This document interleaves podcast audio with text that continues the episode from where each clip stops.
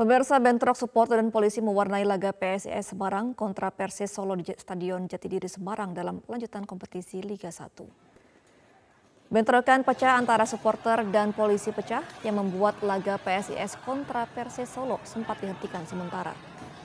Bentrokan sendiri terjadi di luar Stadion Jatidiri.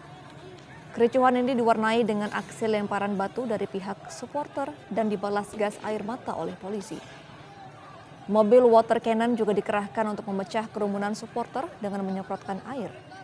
Dikabarkan juga terdapat beberapa orang yang dievakuasi dalam peristiwa ini, namun belum diketahui kondisi terkini orang-orang yang dievakuasi. Kita beralih ke informasi lain pemirsa Bandara Distrik Paro, Kabupaten Nduga, Provinsi Papua Pegunungan yang menjadi tempat pembakaran pesawat Susi Air oleh KKB pimpinan Eginus Kogoyo kini telah dikuasai oleh TNI Polri. Saat ini penerbangan menuju distrik Paro sudah kembali aktif.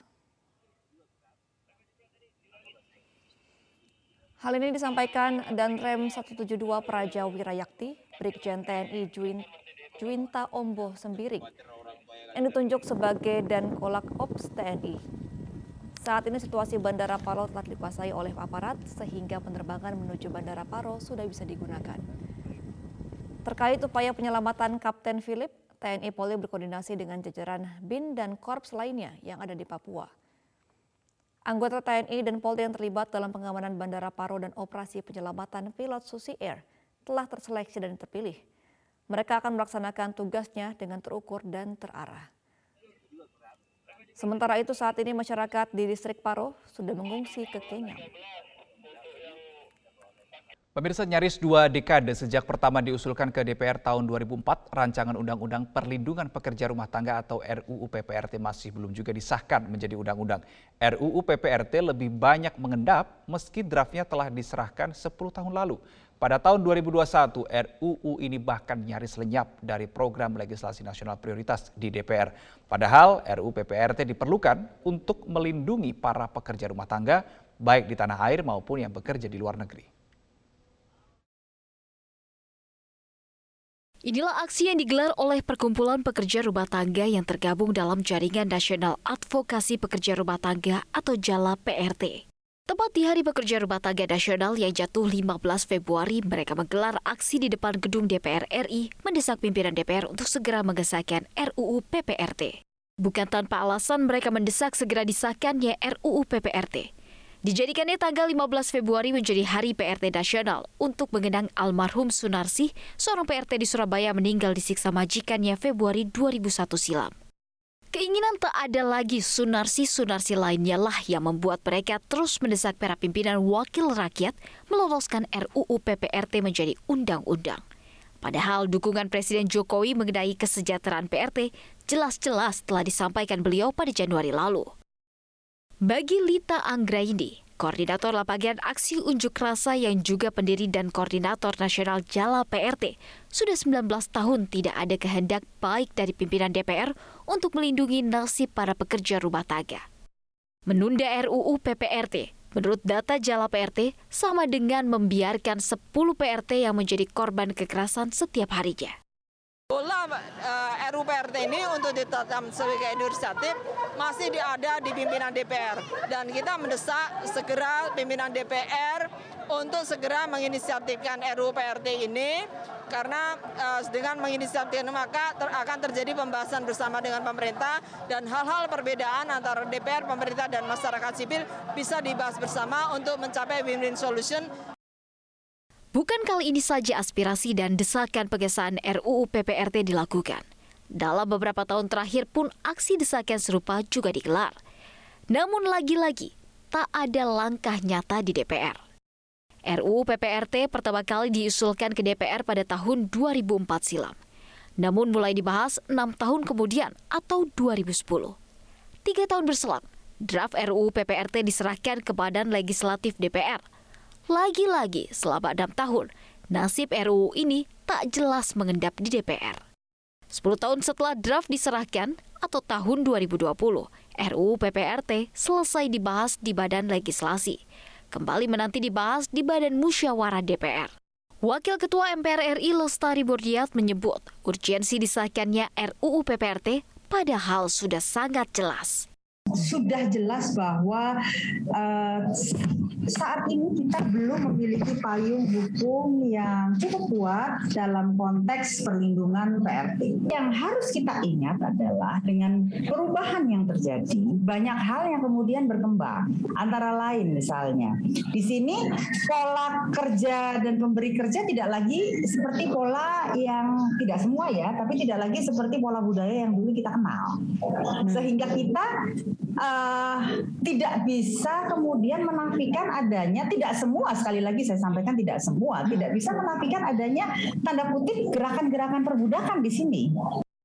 Dalam draftnya, RUU PPRT jelas-jelas mengatur perlindungan terhadap pekerja rumah tangga dengan berbagai tujuannya dari kepastian hukum, peningkatan kesejahteraan, pengetahuan dan keterampilan hingga mencegah eksploitasi.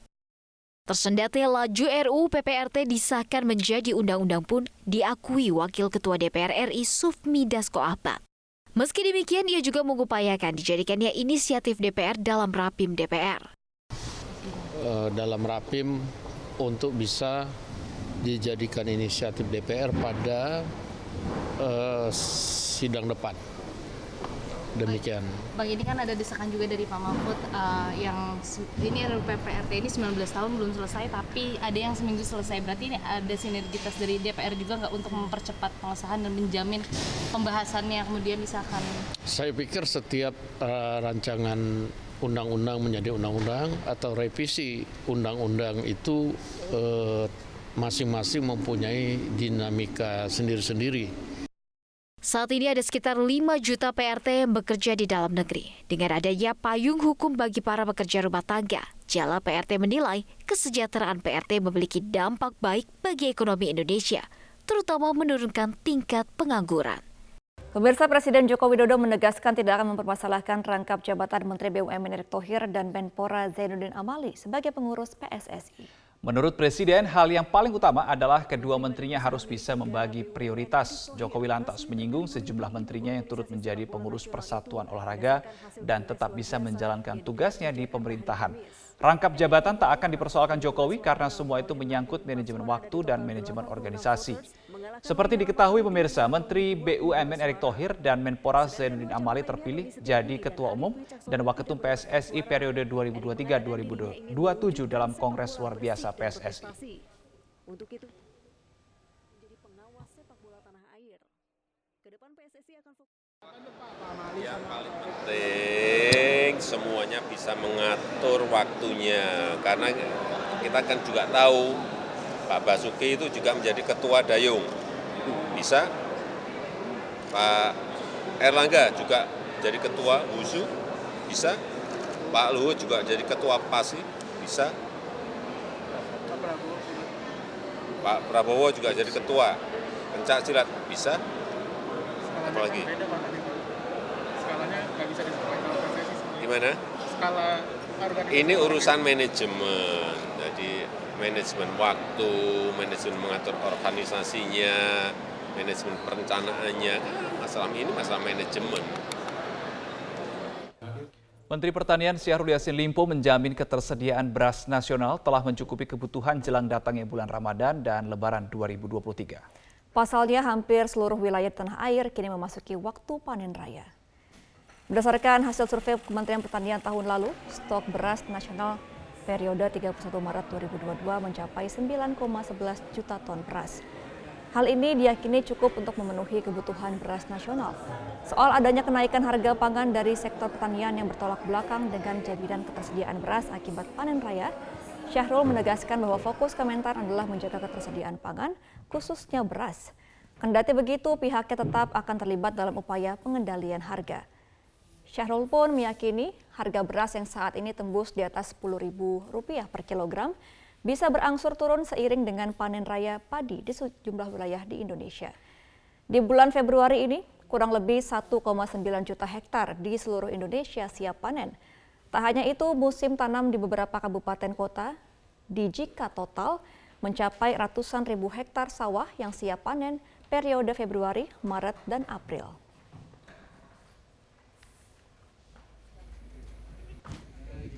Kita mulai panen-panen di mana saja, mulai panen-panen. Jadi bahwa harga dan lain-lain tentu berbagai berbagai pihak harus ikut terlibat sama-sama tapi kita berharap yang penting ketersediaan itu selalu ada kalau ketersediaan ada lambat laun tentu saja ekosistem perdagangannya akan menyelesaikan itu.